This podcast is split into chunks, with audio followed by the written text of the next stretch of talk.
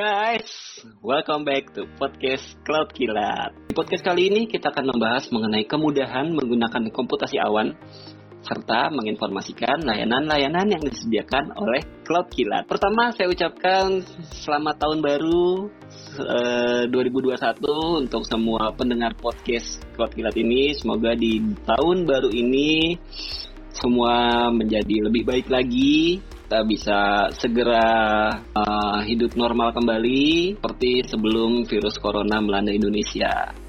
Eh, di, di kesempatan kali ini saya Krisna yang akan menjadi host pada podcast ini dan akan membahas mengenai salah satu layanan yang disediakan oleh Cloud Kilat yaitu layanan Kilat Backup.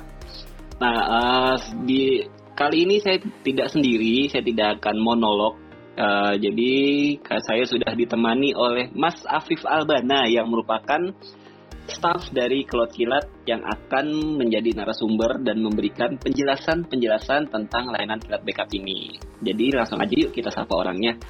Halo Mas Afif. Halo Mas Chris. Gimana kabarnya Mas? Alhamdulillah baik. Oke, gimana kabarnya? Alhamdulillah saya masih sehat, stabil tanpa kurang suatu apa pun. Oke, BTW Mas Afif masih work from home atau sudah work from office? Iya nih masih WFH. Udah mulai bosan belum Mas? Bosan enggak sih, tapi kayak udah mulai terbiasa aja. Mungkin bosannya tuh karena jadi jarang ngobrol sama teman-teman kali ya. Mm -mm, betul. Jadi interaksi sama teman-temannya jadi nggak hmm. ada gitu kan ya biasa kita ngopi-ngopi yeah. bareng gitu kan bercanda-bercanda bareng Gimana kalau kita ngopi? Uh, boleh nanti di podcast berikutnya kalau udah virus corona ini udah menurun nanti kita tag podcast di episode berikutnya tuh secara live kali ya sambil ngopi gitu. Boleh tuh ide yeah. bagus itu Mas Afif. Oke Mas Afif kita langsung aja yeah. masuk ke pembahasan. Tadi kan di awal saya sempat mention ya yeah. mengenai layanan uh, salah satu layanannya kilat cloud kilat yaitu kilat backup. Nah mm -hmm. uh, dari sisi Mas Afif, kira-kira layanan ini cocoknya buat siapa sih Mas? Uh, secara general sebenarnya uh, uh, backup itu cocoknya untuk orang yang pengen punya backup.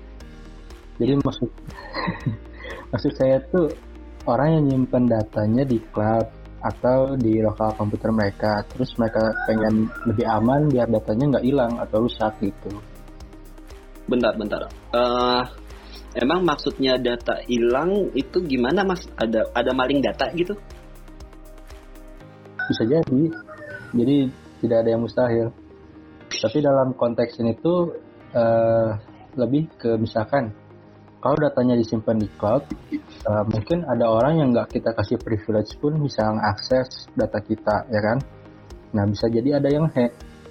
Atau misalkan kayak case kemarin ada yang ransomware si datanya itu di encrypt sama mereka terus kita udah nggak bisa ambil lagi datanya tuh. Ya udah hilang di datanya. Atau uh, sebenarnya yang lebih umum itu ada celah jarinya ke seleo tanggol. Jadi nggak sengaja ngehapus datanya gitu. Nah itu yang sering tuh. Iya. biasanya nggak sengaja kehapus niatnya mau delete yang file A nggak taunya yang ke delete file B. Ya jadi kalau misalkan nggak ada backup gimana?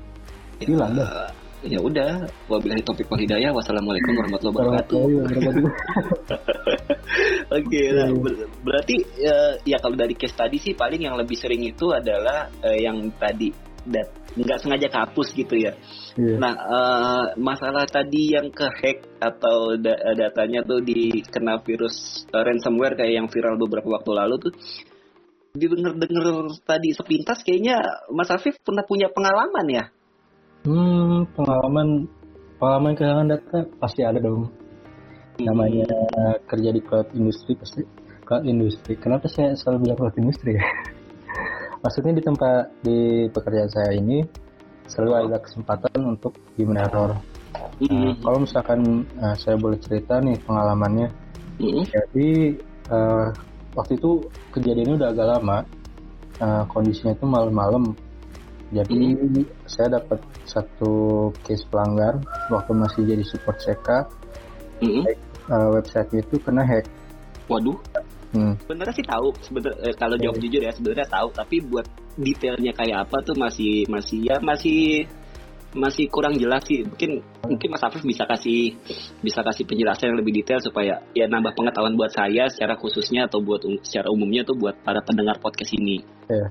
Jadi cara backup WordPress itu sebenarnya gampang. Om cuma perlu copy ya, isi file folder dari WP content sama file WP config-nya. Udah itu doang. Nah, balik lagi ke cerita. Nah, jadi dua dua step tadi udah saya lakuin nih. Saya udah yakin banget. Cuma itu doang yang perlu saya lakuin. Udah saya hapuskan instalasinya karena saya pengen uh, reinstall. Ternyata yang saya lupa itu kalau misalkan uh, instalasi WordPress-nya dibuat dari control panel, pas dihapus instalasinya, dia juga bakal ngapus selain data yaitu database-nya juga. Waduh. Nah, saya kan tadi nggak nyebutin database tuh, jadi database-nya hilang deh. Mm-mm. Amsyong tuh datanya. Ya. Nah, eh Amsyong tuh pasti itu kan. Mas Afif benerinya gimana? Nah, waktu itu kan kondisinya udah malam tuh om. Mm-mm. Jadi rada-rada bingung juga kan siapa yang mau ditanyain. Terus tiba-tiba kayak ngelihat ada cahaya di ujung tunnel gitu. Waduh, Oh iya, kita punya backup. bentar Mas. Itu cahaya itu cahaya ide atau cahaya penampakan Mas atau sapam lagi nyenter-nyenter center gitu Mas. Kayaknya yang terakhir sih. Oke Mas, Jadi- Mas. Jadi waktu itu keingetan kita tuh selalu punya backup hapus min satu. Nah untungnya saat itu ada backup. Jadi alhamdulillah semuanya bisa di restore dan pelanggan nggak eh, datanya tuh nggak hilang gitu. Hmm, cakep banget tuh. Jadi dari cahaya putih itu akhirnya datanya berhasil di restore lagi dari backup yang by default udah disediakan oleh Cloud Kilat itu ya. Nah bisa dibilang sebenarnya nggak ada cahaya putih sih. I- iya, iya anggap Iya, aja iya. kayak gitulah Mas lah biar cepet lah. Oke. Eh, kok maksa? Oke, selanjutnya pertanyaan berikutnya nih Mas Afif. Ya. Eh, misalkan ada ada eh, or ada pendengar kita, ada pendengar podcast ini yang lagi cari-cari eh, provider yang menyediakan backup solution. Ya. Nah, eh, menurut Mas Afif, eh, kilat backup ini keuntungannya apa sih dari terus juga eh, bedanya dari eh, backup backup services yang lain tuh apa sih? Oke, jadi yang pertama keuntungannya itu data kita yang ada di cloud atau di komputer lokal tadi bisa dibuat backupnya itu secara otomatis. Nah itu tuh yang pertama. Jadi nanti hasil backupnya disimpan juga di cloud storage khusus. Karena untuk layanan surat backup ini kita berpartner juga dengan Acronis. Ini sedikit info tentang Acronis. Mereka sebagai penyedia backup as a service itu udah punya sertifikat ISO 9001 sama ISO 27001. ISO ini tuh untuk jaminan mutu keamanan informasi, jadi udah pasti aman deh datanya.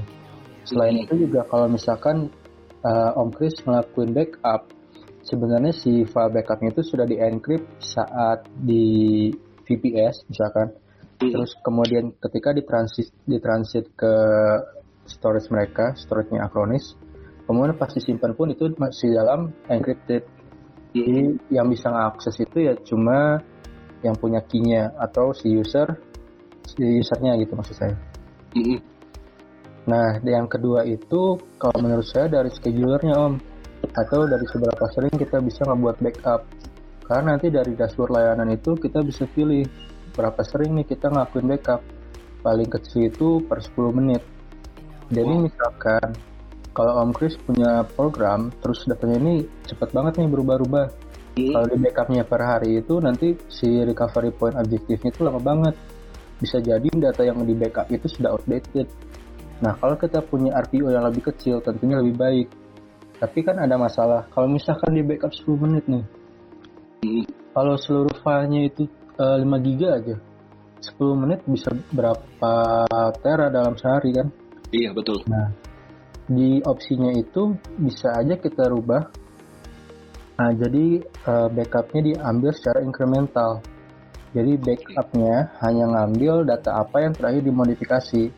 Tentunya Oh. kalau kayak gitu eh, ukuran backupnya itu lebih kecil, terus prosesnya lebih cepat. Nah, yang ketiga nih Om, kalau menurut saya eh, keuntungannya itu dari sisi instalasinya. Karena back, uh, kilat backup ini pakai software agent buat terkoneksi ke VPS, laptop, sama handphone kita. Nah, si software agentnya bisa di-download langsung dari dashboard.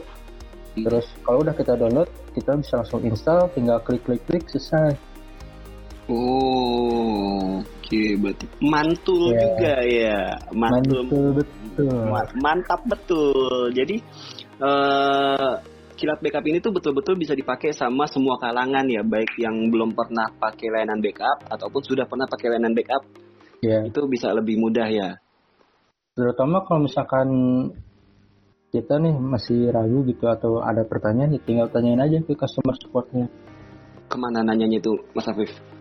Uh, kalau pelanggan existing atau yang sudah terdaftar bisa uh, by ticketing lewat das uh, lewat ya dashboard Cloud Kilat atau lewat email. Emailnya itu ke support cloudkilat.com setahu saya juga ada sih lewat telepon.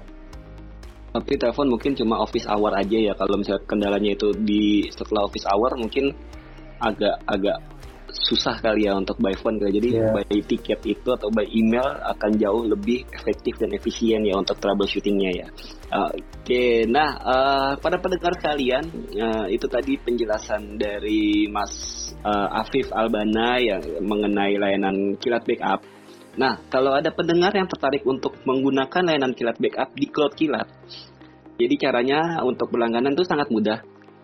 Nanti customer para pendengar langsung aja klik ke www.cloudkilat.com slash layanan, terus scroll ke bawah, nanti sambil scroll dilihat, itu di sebelah kiri ada pilihan atau ada layanan kilat backup. Nah, nanti di situ ada dua pilihan paket. Yang pertama itu paket dengan kapasitas penyimpanan sebesar 20 GB dan pilihan yang kedua adalah paket backup dengan kapasitas penyimpanan 100 GB. Bukan cuma dua paket itu aja, Kilat Backup juga menyediakan layanan add-on kapasitas mulai dari 10 GB sampai dengan 500 GB. Nah, buat harganya juga cukup terjangkau. Itu mulai dari 50.000 aja per bulan di luar PPN. Oke, kalau gitu Mas Afif uh, terakhir hmm dari tadi kita uh, cuap-cuap, iya cuap-cuap. Iya. Dari tadi kita diskusi atau kita ngobrol-ngobrol mengenai kilat backup ini, dari Mas Afif ada closing mau menyampaikan closing statement gitu ke para pendengar sekalian? Udah aman. Iya. Oke. Okay. Oke, Mas Afif, tadi uh, kita kan udah diskusi panjang lebar ya, udah cuap-cuap banyak juga mengenai layanan kilat backup ini. Jadi closing statement dari saya, saya sangat merekomendasikan para pendengar selalu memiliki backup, bahkan saat backup tidak diperlukan untuk mencegah hal-hal yang tidak diinginkan.